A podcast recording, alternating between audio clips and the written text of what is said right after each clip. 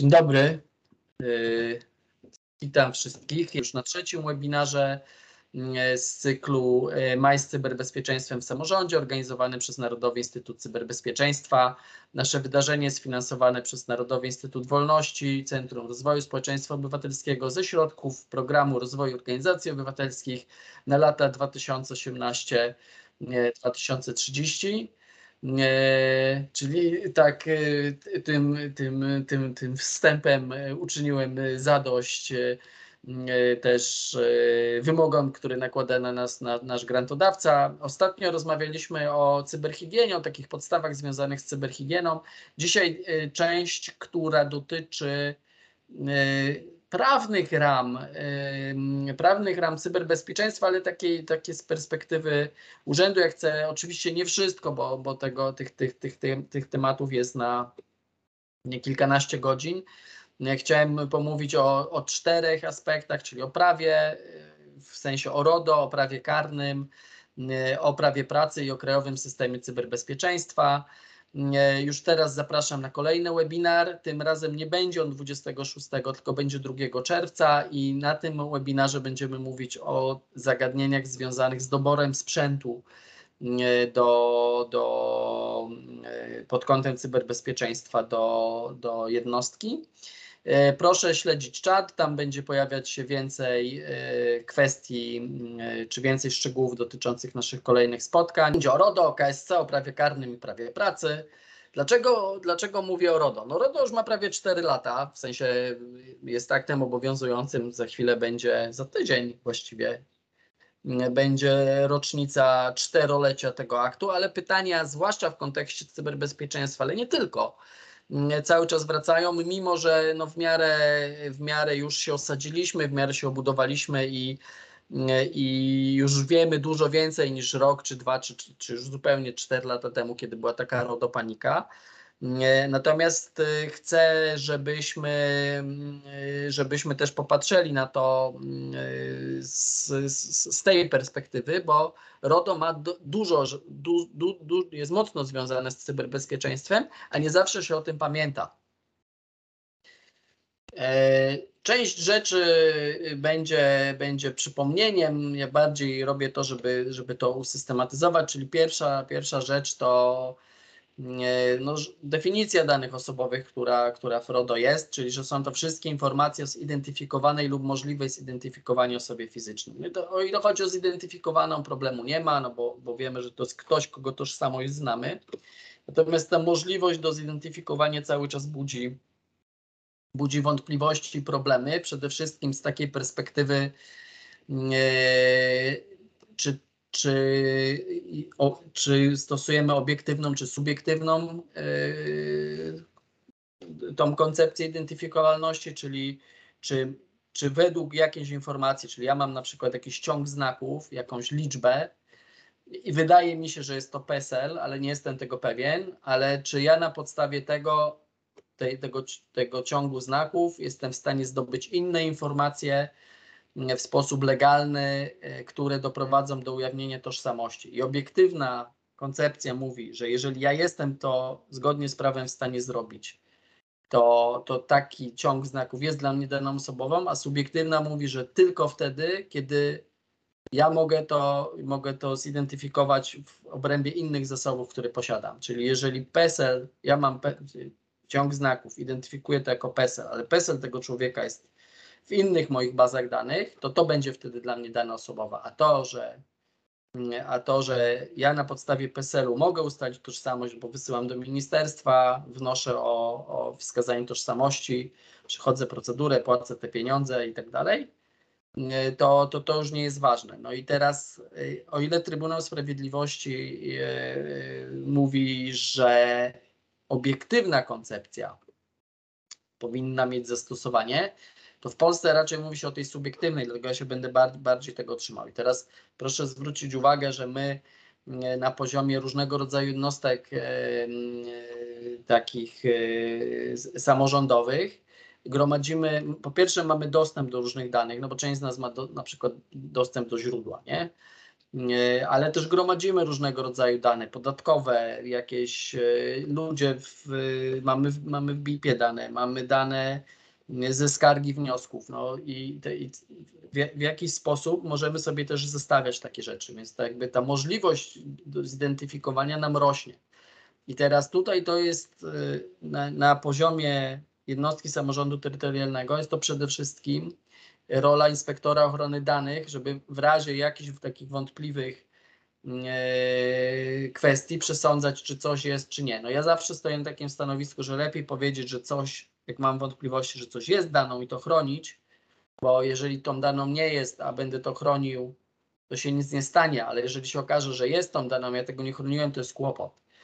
E, więc, e, więc zwracam na to uwagę. Tych danych oczywiście pojawia się coraz więcej w związku z komunikacją przede wszystkim elektroniczną.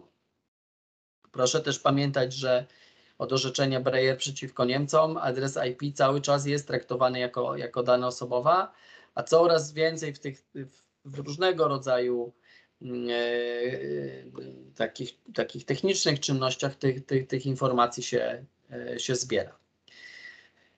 Druga kwestia to przetwarzanie, no i tu też mam definicję, czyli jakiekolwiek operacje wykonywane na danych.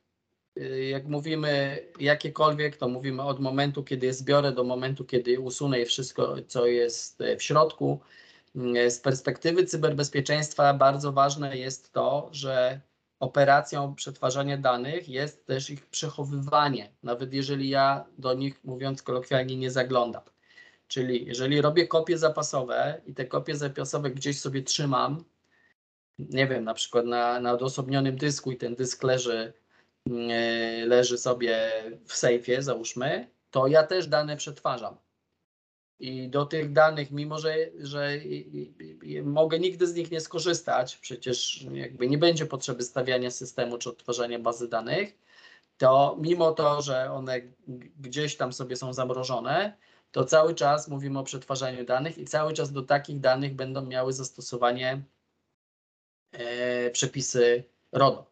E, mówię o tym, bo część osób i też to, to pytanie wracało co najmniej kilkukrotnie do mnie i też jakby w praktyce, jak, jak, jak wdrażaliśmy różne systemy, to było takie pytanie, no dobra, tylko ja robię backup zewnętrzny, robi mi to firma jakaś, automatycznie zasysa, zasysają się dane z moich systemów, gdzieś tam na ich serwerach się powielają i ja w razie kłopotów po prostu mam do tych danych dostęp z tych, z tych, z tych ich zewnętrznych, odseparowanych serwerów, będzie się te dane przywracać.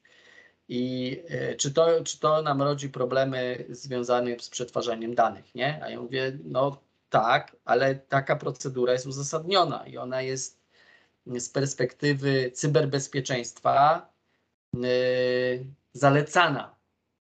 Nie, no bo, bo zalecane jest mieć co najmniej dwie kopie zapasowe w dwóch różnych miejscach. I tutaj też proszę pamiętać, żeby, że no, to, to już jest właściwie standardem, ale na wszelki wypadek to przypomnę, żeby w taki sposób tworzyć dane zapasowe, żeby one się nie, nie zwłaszcza ransomware, żeby ich nie zaraził e, w sytuacji, kiedy e, jakby, jakby tych, tych naszych danych zapasowych, jeżeli jeżeli źle będziemy konfigurować ich tworzenie, no to może coś takiego się przydarzyć, ale to, to już jest relatywnie dosyć dobrze opracowane. Ale jakie to ma znaczenie z perspektywy RODO? No bo jeżeli moje dane backupuje podmiot zewnętrzny, cyberbezpieczeństwo, przyjmijmy, że wszystko tutaj gra i wszystko jest super, ale ja powierzam im dane. Muszę mieć podstawę do tego, nie tylko umowę o tym, że oni nam robią backup, ale muszę mieć też podstawę związaną z danymi osobowymi, czyli mówię, musimy mieć co najmniej umowę o powierzeniu przetwarzania danych, której forma i treść wynika bezpośrednio z artykułu 28 RODO, więc nie możemy o tym zapominać. Ja tutaj uczulam bo jeszcze będziemy, będziemy o tym mówić, były kary za brak takich, e, za, za brak takich umów, plus to jest też przestępstwo.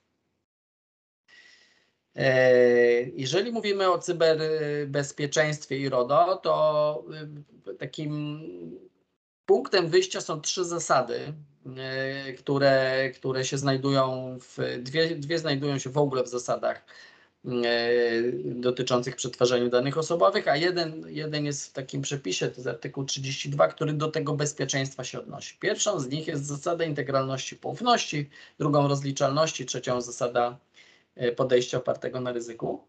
Pierwsza z nich, e, oj to nie, tutaj. Pierwsza z nich mówi, że moim obowiązkiem jako administratora, tylko tu mówimy administrator nie w rozumieniu administratora systemów informatycznych, tylko administrator w rozumieniu RODO, czyli ten, kto decyduje o celach i środkach przetwarzania danych.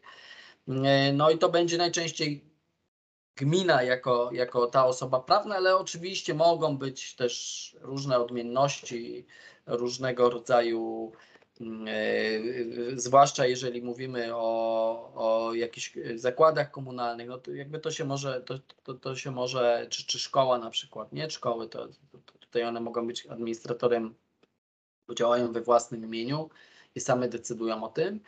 E, no ale jakby upraszczając to, chodzi nam o, o tego, kto decyduje o celach i środkach przetwarzania danych. I ten ktoś, czyli przyjmijmy w uproszczeniu, że jest to gmina, E, ma zapewnić e, odpowiednie bezpieczeństwo danych. I to jest napisane w RODO wprost. I oprócz to bezpieczeństwo rozumiane jest, że ochrona przed niedozwolonym lub niezgodnym e, z prawem przetwarzanie, czyli tu chodzi o to, żeby ktoś z wewnątrz naszej organizacji nie działał poza obrębem swojego, swojej kompetencji czy swojego upoważnienia, ale także, żeby osoby z zewnątrz nie, nie, czyli jeżeli ktoś penetruje na przykład nas, nasz system, osoby z zewnątrz nie przetwarzały, nie, nie przetwarzały tych danych, nie, żeby nie nastąpiła przypadkowa utrata. Tu chodzi o każdą utratę, która nie jest zamierzona. Nie? Bo, bo przypadkową utratą będzie też taka operacja, w której my mamy dane, Yy, chcemy je usunąć, ale usuwamy jakiś zbiór, ale w tym, dan, w, tym, w tym zbiorze są informacje, których nie chcieliśmy usunąć. To też będzie rozumiane jako przypadkowa utrata. Zniszczenie lub uszkodzenie, no bo tutaj mamy to, to, żeby dane były dostępne w każdej sytuacji, kiedy jest to potrzebne i jak mamy to zapewnić? Za pomocą odpowiednich środków technicznych i organizacyjnych. Jakie to są odpowiednie, to, to za sekundę.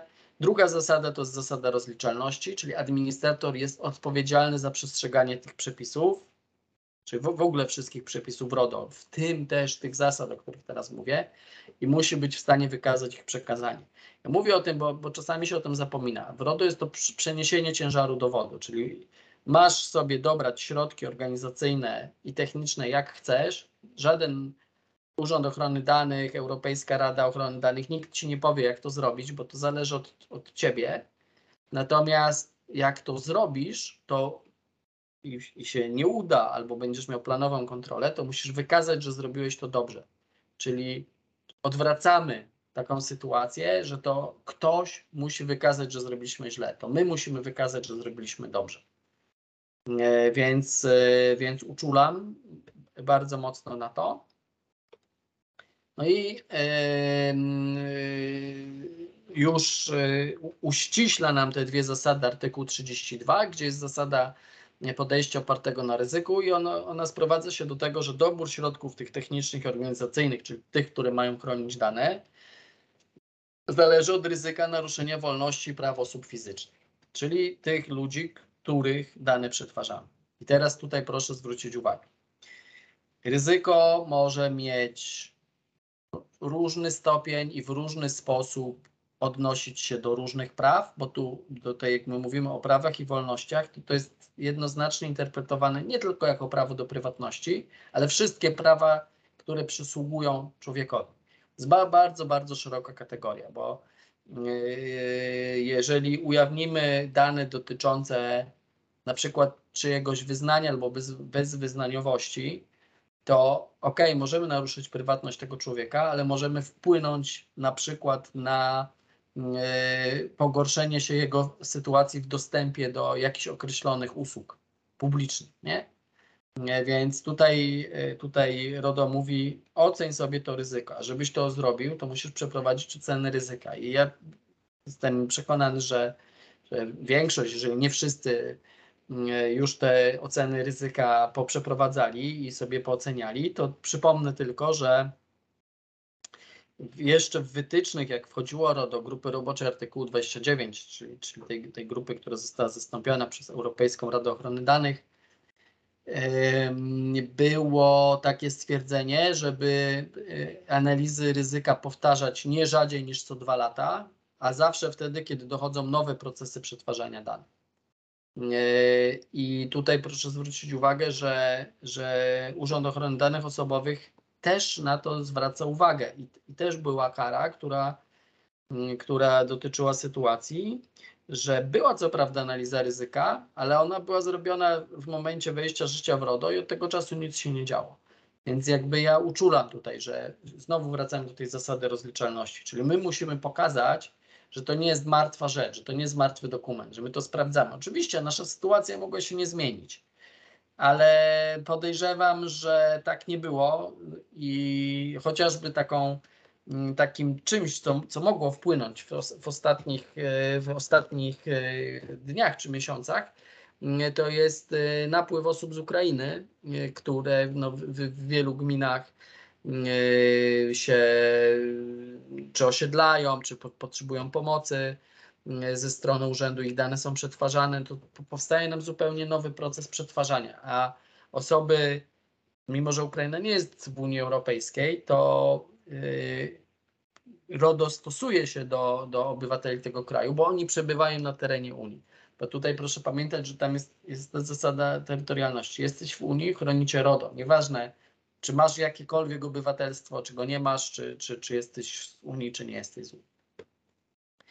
Więc jeżeli chodzi o ryzyko, to warto, jeżeli jakiś czas już nie powtarzaliśmy tej analizy, to, to warto sobie tam gdzieś zanotować że, żeby sobie tą, tą kwestię odświeżyć i popatrzeć zwłaszcza na nowe procesy e, przetwarzania danych, no bo cały czas się coś zmienia i, i w naszych realiach, i, i w, w, systemach. No też na przykład wprowadzenie nowych programów, jakichś nowych CRM-ów czy, czy CRP, to wszystko musi być po, po, poprzedzone analizą e, ryzyka.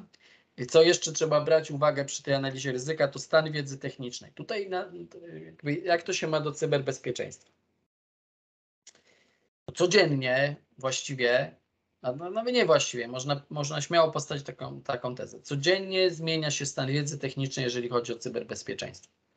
To znaczy, codziennie są nowe podatności, codziennie są jakieś, yy, jakieś nowe rodzaje ataków, nowe zagrożenia itd. Tak Natomiast yy, no, czy ja muszę to wszystko wiedzieć?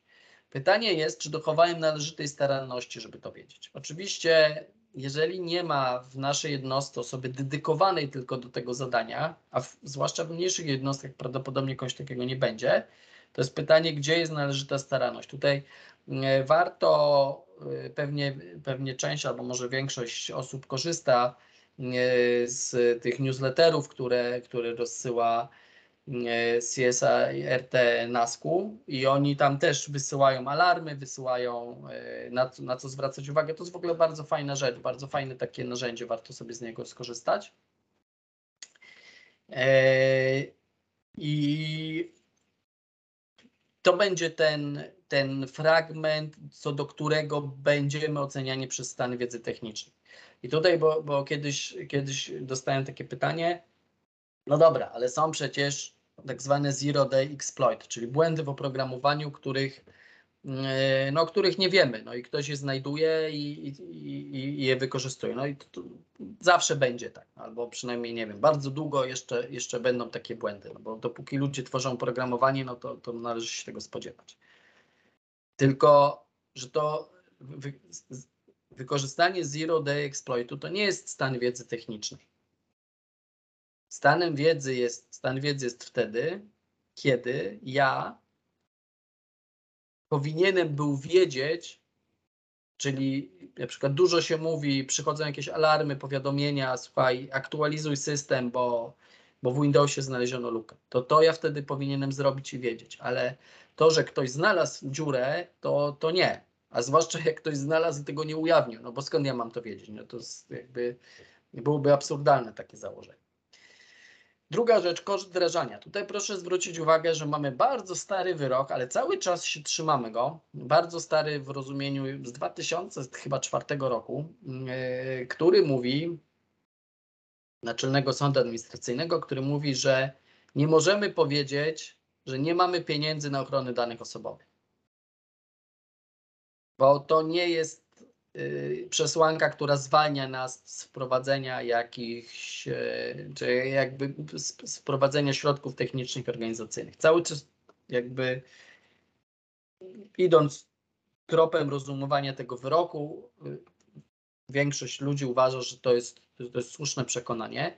Natomiast oczywiście odnosimy się do realnych możliwości. To znaczy, no nie możemy powiedzieć, że w, w gminie, która nie ma 10 milionów budżetu, nagle wprowadzimy system ochrony za 3 miliony, no bo to, to jest absurdalne, nie? Tylko znowu nie ma żadnych wytycznych, które mówią, nie wiem, przeznaczaj 5% czy przeznaczaj 10%.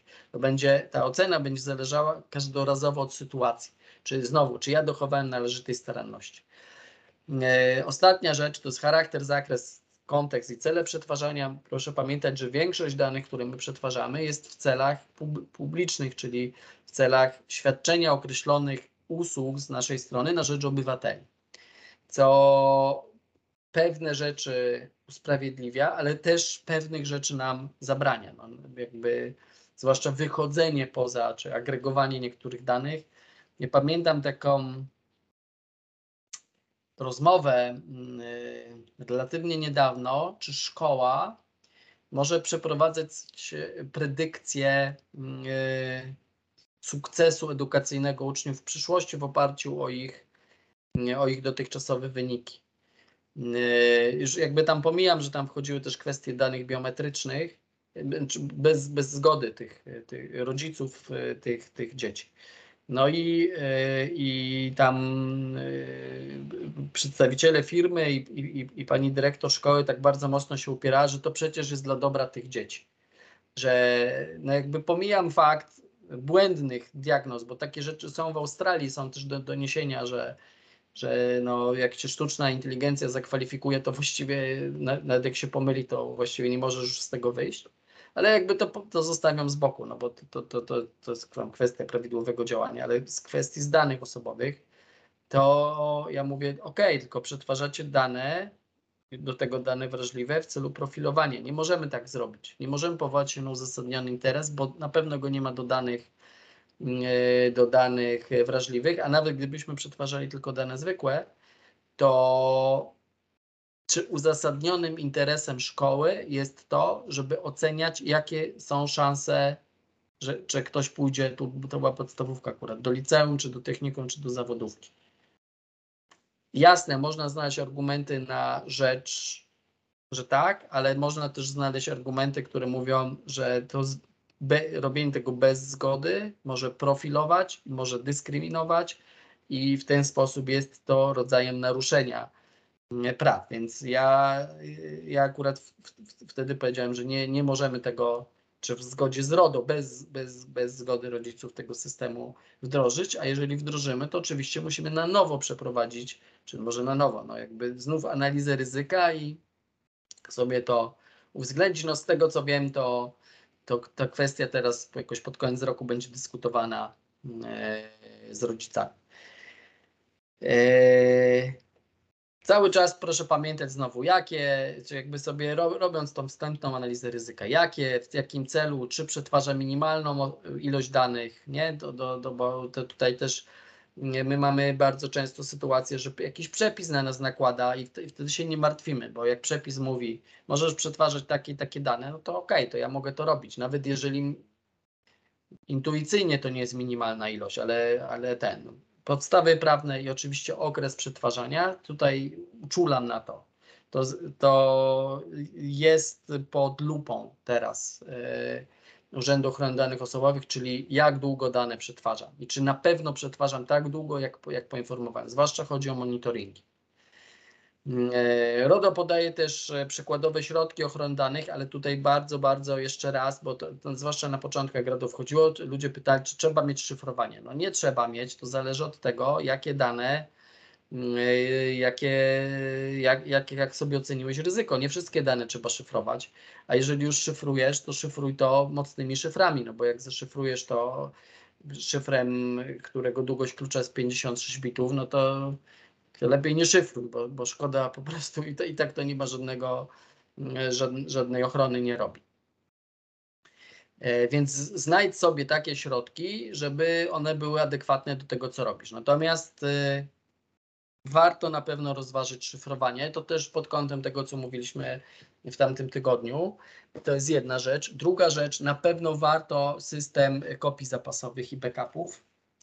E, to jest ten, ten, ten punkt trzeci. I czwarta, regularne testowanie, mierzenie i ocenianie skuteczności. Często się o tym zapomina.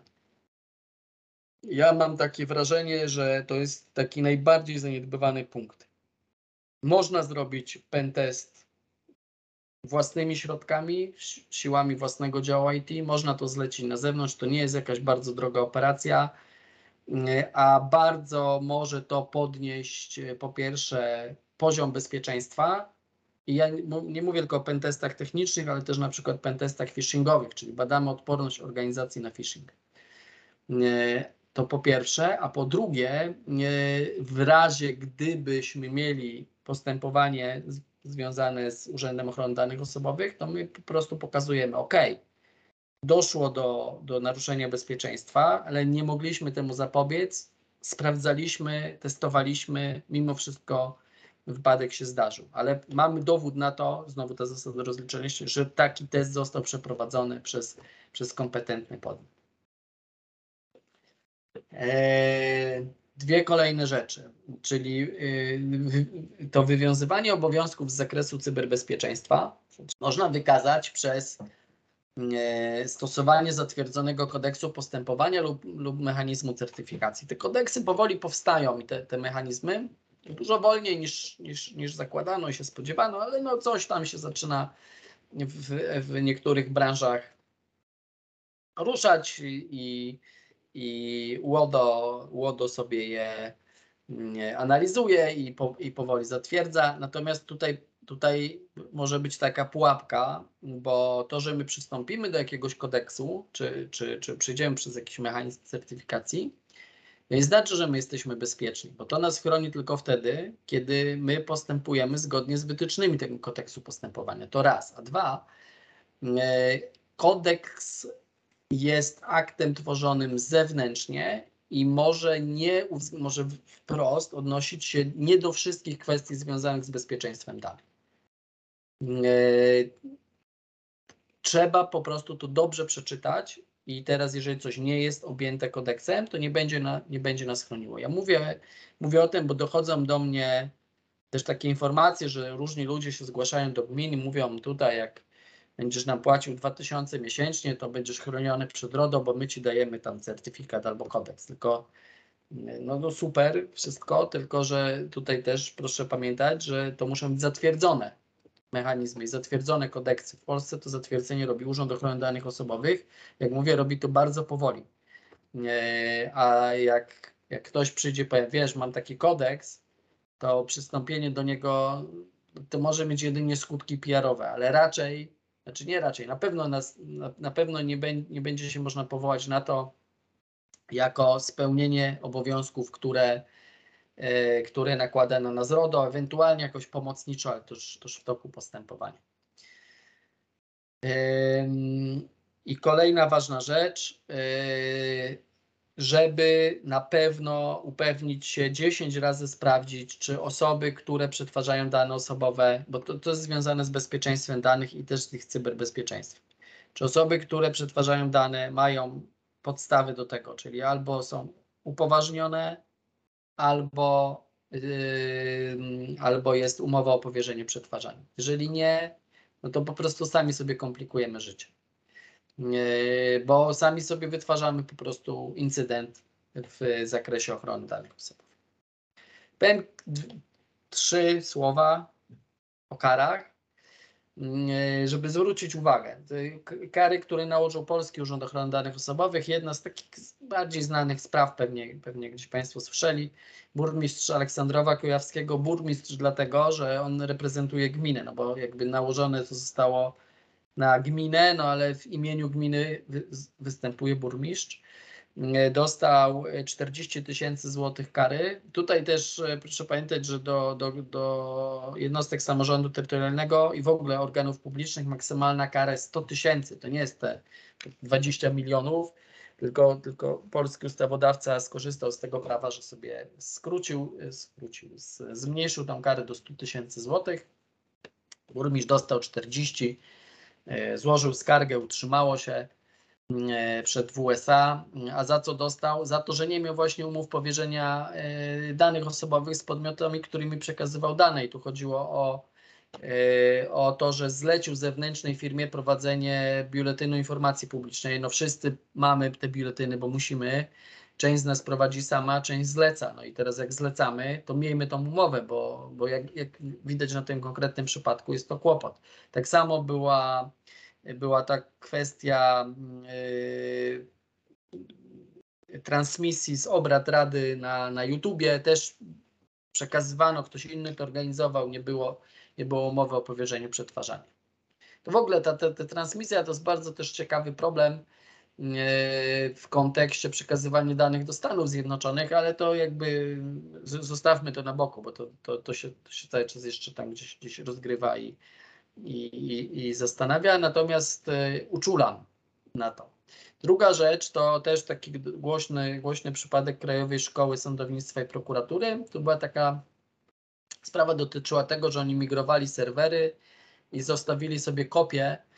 E, no, no, oczywiście nie jest to zgodne z regułami sztuki, no ale się przydarzyło zostawili kopię i, i, i, ktoś do tej kopii uzyskał dostęp i ściągnął ponad 56 tysięcy danych osób, które e, brały udział w szkoleniach albo, albo w aplikacji sądowej czy prokuratorskiej. O tyle kłopotliwe, że to są sędziowie i prokuratorzy, no więc, więc e, jakby zwłaszcza te osoby, które w, w karnych sprawach orzekają, czy, czy prokuratorzy karni, no może nie, niekoniecznie chcieliby, żeby na przykład dane ich miejscu zamieszkania czy telefony były, były dostępne, no ale cóż, zdarzyło się.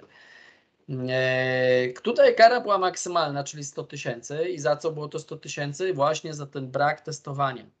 Że nie sprawdzono, czy środki, które przyjąłeś, po pierwsze nie zastosowałeś odpowiednich środków, bo przydarzył ci się taki błąd, ale nie sprawdziłeś też, czy środki, które, środki, które zastosowałeś, były adekwatne do tego. Ja bardzo uczulam na, na, na pentestowanie też.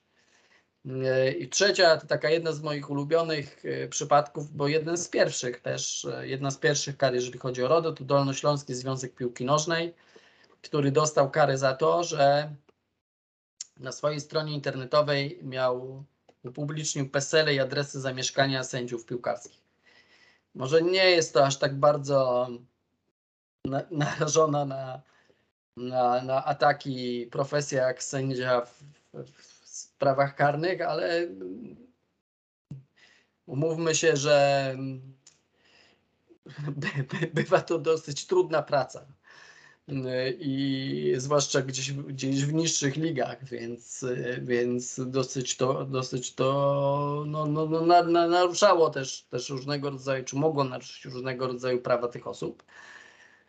Yy, yy, tutaj yy, Urząd Ochrony Danych Osobowych przede wszystkim odniósł się do zasady minimalizacji, że nie trzeba tego było robić. Ale jak już no jakby też to też była taka ciekawa sprawa, bo to było 2015 roku, ale też już po wejściu życia w RODO i tak dalej, i tak dalej, ale przede wszystkim nie potrzebowałeś tylu danych, a na pewno nie musiałeś ich ujawnić. Dobra, to jeżeli chodzi o RODO, Krajowy System Cyberbezpieczeństwa, krótko, bo mieliśmy o tym osobny webinar, więc, więc tylko krótko powiem. E, Krajowy System Cyberbezpieczeństwa opiera się na dyrektywie NIS. E, dyrektywa NIS 2 została w tym albo w, nie, w poprzednim tygodniu została e, przyjęta w ramach trilogu, czyli takiej, takiej procedury która, która pozwala na, na szybszą ścieżkę legislacyjną w Unii Europejskiej. W ciągu 20 dni ma być ostateczna wersja opublikowana i będzie 21 miesięcy na zmianę, więc spodziewajmy się dużych zmian, jeżeli chodzi o, e, o krajowy system cyberbezpieczeństwa, a przede wszystkim ta zmiana ma dotyczyć rozszerzenia obowiązków podmiotów e, publicznych, ale to e, ja na razie tego nie omawiam, dlatego że to jeszcze nie zostało opublikowane w oficjalnej przynajmniej wersji. Jak będzie to, to, to, to i będzie też taka potrzeba, to zrobimy po prostu ten osobny webinar. Natomiast też szykuje się, cały czas jest procedowana nowelizacja ustawy o Krajowym Systemie Cyberbezpieczeństwa, ale no, no, pewnie jeszcze tam chwilę na nią ostatnio przyspieszyła, trochę, trochę zwolniło po, po wybuchu wojny. Yy, natomiast yy, ona jakoś tam specjalnie nie będzie wpływać na, na, na, na, na sytuację na poziomie, na poziomie jednostek samorządu terytorialnego. Tu, się, tu więcej, więcej to będzie dotyczyło yy, podmiotów biznesowych, bo na przykład cały czas jest ta propozycja, żeby wykluczać z przetargów e, podmioty, które stanowią potencjalne zagrożenie dla bezpieczeństwa państwa, e, zwłaszcza no, w kontekście sieci, sieci 5G. W Polsce krajowy system cyberbezpieczeństwa obejmuje jednostki sektora finansów publicznych, o których mowa w ustawie o finansach, no więc oczywiście obejmuje jednostki samorządu wszystkich poziomów, związki międzygminne i powiatowo-gminne, ale nie stowarzyszenie gmin i powiatów, one są, są wykluczone, ale obojętnie, czy jesteśmy gminą, powiatem, województwem, będziemy w Krajowym Systemie Cyberbezpieczeństwa. E, tak samo dotyczy to jednostek budżetowych, e, czyli, e, czyli ty, ty, tych wszystkich, które nie posiadają, nie posiadają własnej osobowości prawnej i pokrywają wydatki bezpośrednio z budżetu. I tak samo będzie dotyczyło to samorządowych zakładów e, budżetowych, e, czyli tych, tych wszystkich, które zostały powołane. No, niektóre gminy mają, inne nie mają. No, niektóre mają wszystkie. No, zależy oczywiście przede wszystkim od wielkości, ale też, też sposobu organizacji, czy gospodarka mieszkaniowa, drogi, mosty, wodociągi, e, kanalizacja, kwestie odpadów, targowiska, transport. E, zbiorowy, pomoc społeczna i tak dalej, i tak dalej, nie? No i no, część jest rzeczy jest we wszystkich gminach, a część nie. E, no bo nie, nie, każda, nie każda gmina ma ZO, nawet, czyli tutaj siódmy punkt, nawet niewiele ma. Natomiast cmentarz czy pomoc społeczna jest właściwie w każdej gminie.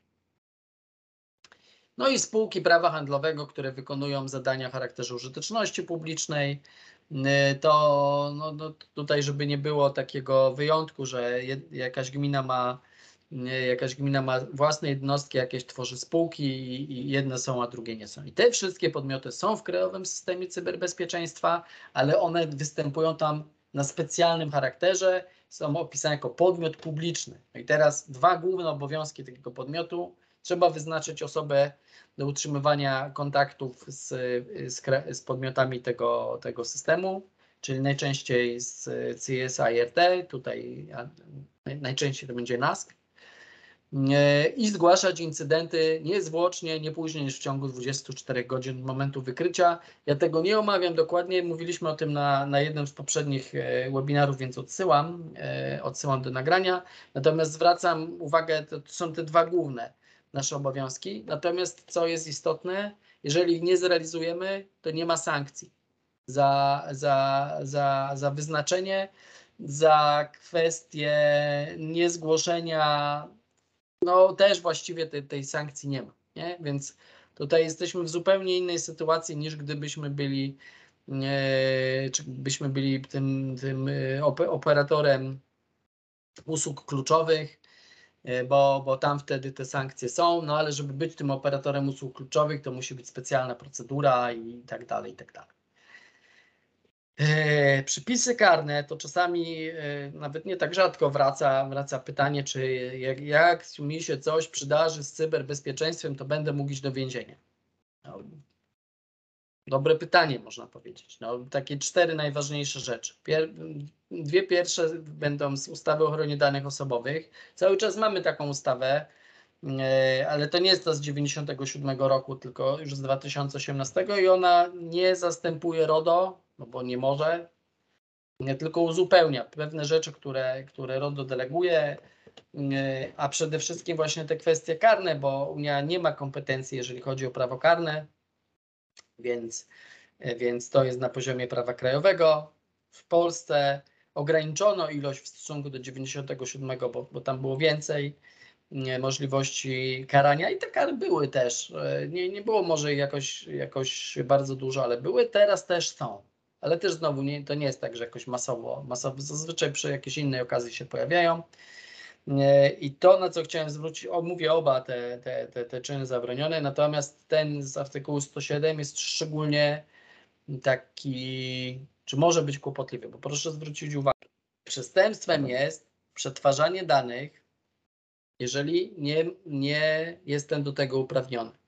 I teraz brak uprawnienia w, w, w realiach w realiach takiego podmiotu jak gmina, to jest brak odpowiedniego upoważnienia, ewentualnie jeżeli to jest jakiś podmiot zewnętrzny, bo my kogoś, no to brak umowy o powierzeniu danych. Czyli sami sobie możemy zrobić kłopot, który jest czynem zabronionym. Oczywiście do lat dwóch, no to, no to umówmy się, nie jest to jakieś bardzo poważne przestępstwo, a przecież nie o to chodzi. Nie chodzi o to, czy to jest przestępstwo poważne, tylko jest to przestępstwo za które jak zostanę skazany, no to nie mogę pracować w samorządzie. W przypadku danych e, wrażliwych jest wyższe zagrożenie, ale chodzi o tą, o tą samą sytuację i to też będzie dotyczyło kwestii, w której ja mogę przetwarzać jakieś dane, czy mam dostęp do, do jakiejś bazy, ale do innej nie mam, a mimo to no, zaglądam tam, tak, albo robię jakąś kompilację, czyli przetwarzam dane, a jedno mogłem, a drugą nie mogłem, więc też popełniam ten, ten czyn zabroniony. E, drugi to no, no rzadko, ale akurat w polskich realiach się przytrafiło, e, czyli utrudnianie lub udaremnianie kontroli albo niedostarczanie, niedostarczanie wiadomości. Tutaj e, taka, taki był spór też jakby kompetencyjny między, między Urzędem Ochrony Danych Osobowych a, a Naczelnym Geodetą kraju. Chodziło o, o ujawnianie informacji w tym systemie dotyczącym w geoportalu. No i tam, tam po prostu nie wpuszczono kontrolerów. Skończyło się to na, na, na takim też, też politycznym sporze. No, ostatecznie z tego co wiem udało się to jakoś rozwiązać i, i, i tą kontrolę zakończono, no ale jak, jak dla porządku przywołuję. E, dwie, dwie jeszcze rzeczy, które mogą się przytrafić, jeżeli, czy, jakby, czy które może policja czy prokurator wziąć pod uwagę w sytuacjach, kiedy mamy jakieś kłopoty z cyberbezpieczeństwem. E, to, jest, e, to są przepisy akurat kodeksu karnego, artykuł 266, który mówi o tajemnicy służbowej. Dotyczy to funkcjonariuszy publicznych, więc wielu z nas, którzy pracują w samorządach, który ujawnia osobie nieuprawnionej informację niejawną o klauzuli zastrzeżone poufne, to rzadko, nie? To, to, to się zdarza, ale ta, ta, druga część, informację, którą uzyskał w związku z wykonywaniem czynności służbowych, a jej ujawnienie może narazić na, na szkodę, prawnie chroniony interes i tak dalej. I teraz e, są takie incydenty, które polegają na tym, że my wyślemy komuś przez pomyłkę jakiegoś maila. E, albo na przykład jakąś grupę e, robimy mailową i tam są osoby, które takiej informacji e, dostać nie powinny. Oprócz tego, że mamy tu do czynienia, do czynienia z incydentem bezpieczeństwa, jeżeli chodzi o ochronę danych, tam gdzie te dane osobowe będą, bo tutaj proszę zwrócić uwagę, tu nie musi być danych osobowych, to też może być jeżeli te przesłanki zostaną wyczerpane, też możemy mieć do czynienia z naruszeniem tego przepisu, więc, więc uczulam na to. A drugi to jest nadużycie funkcji,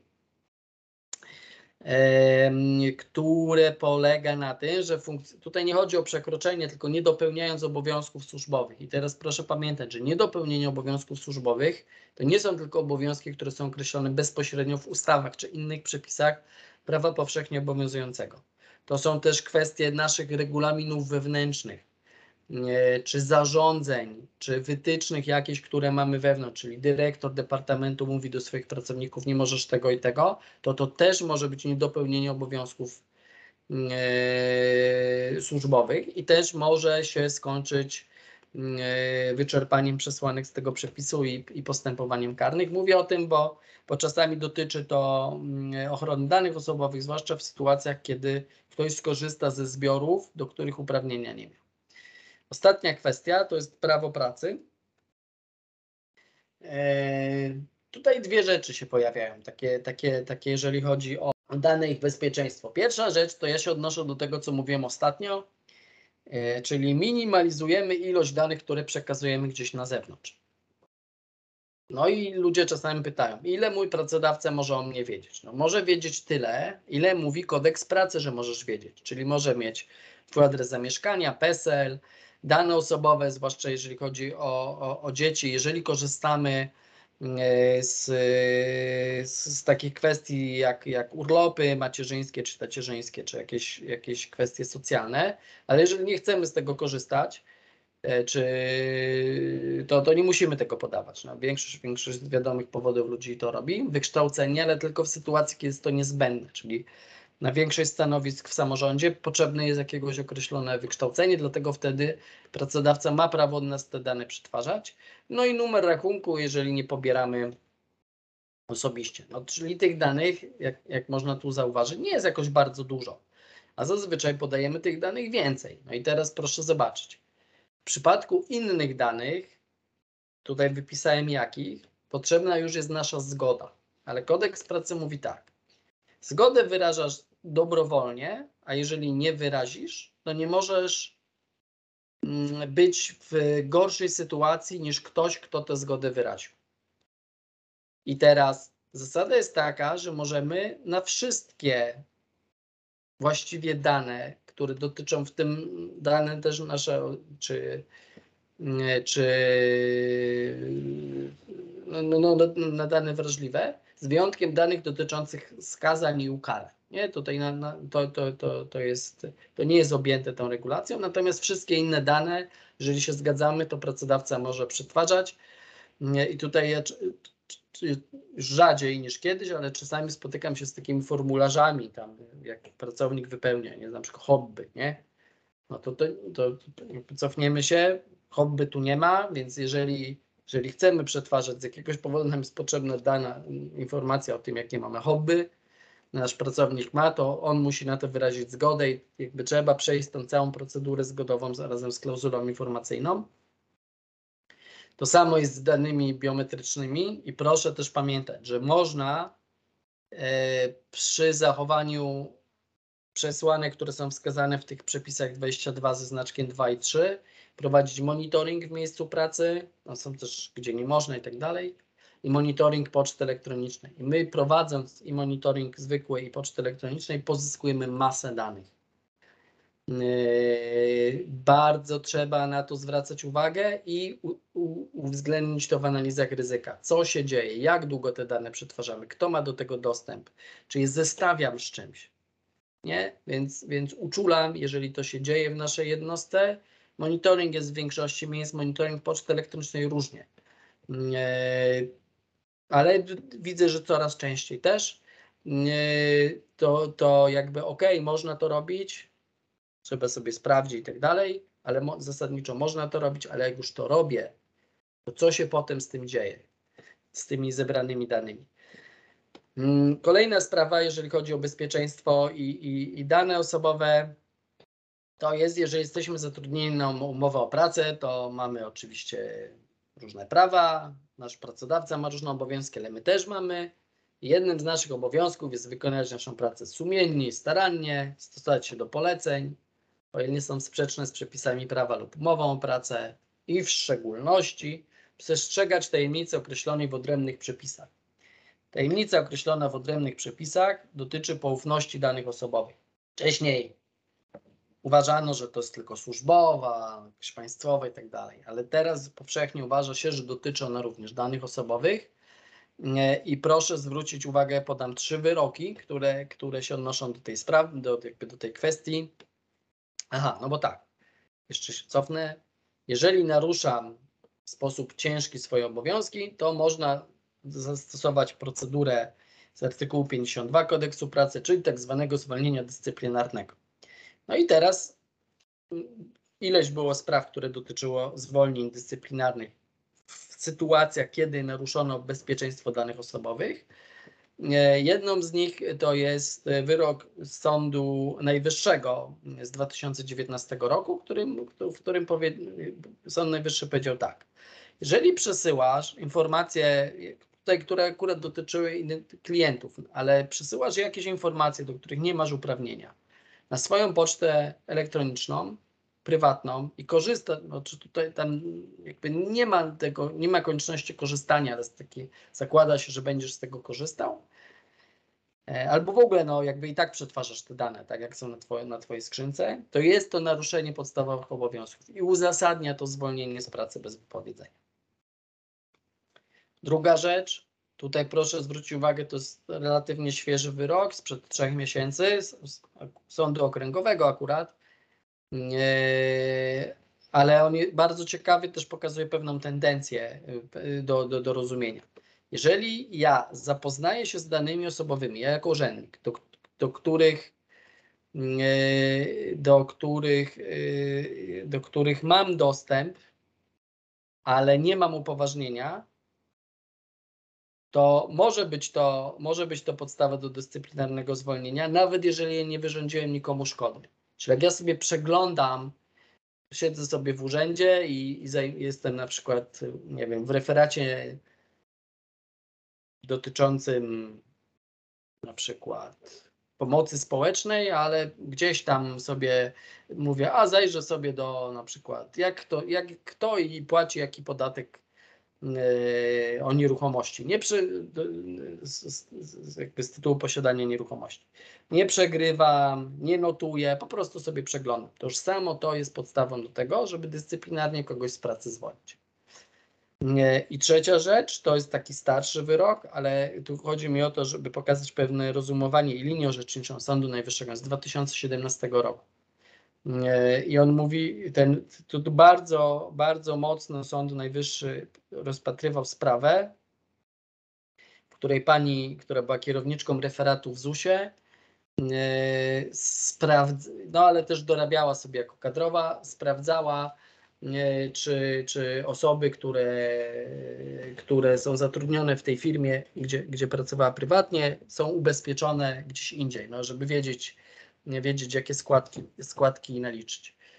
Wyszło to na jaw i ona została zwolniona dyscyplinarnie z pracy, odwoływała się, sprawa doszła do Sądu Najwyższego i Sąd Najwyższy powiedział tak, to ile możesz zrobić, to tylko tyle, do, do czego masz upoważnienie.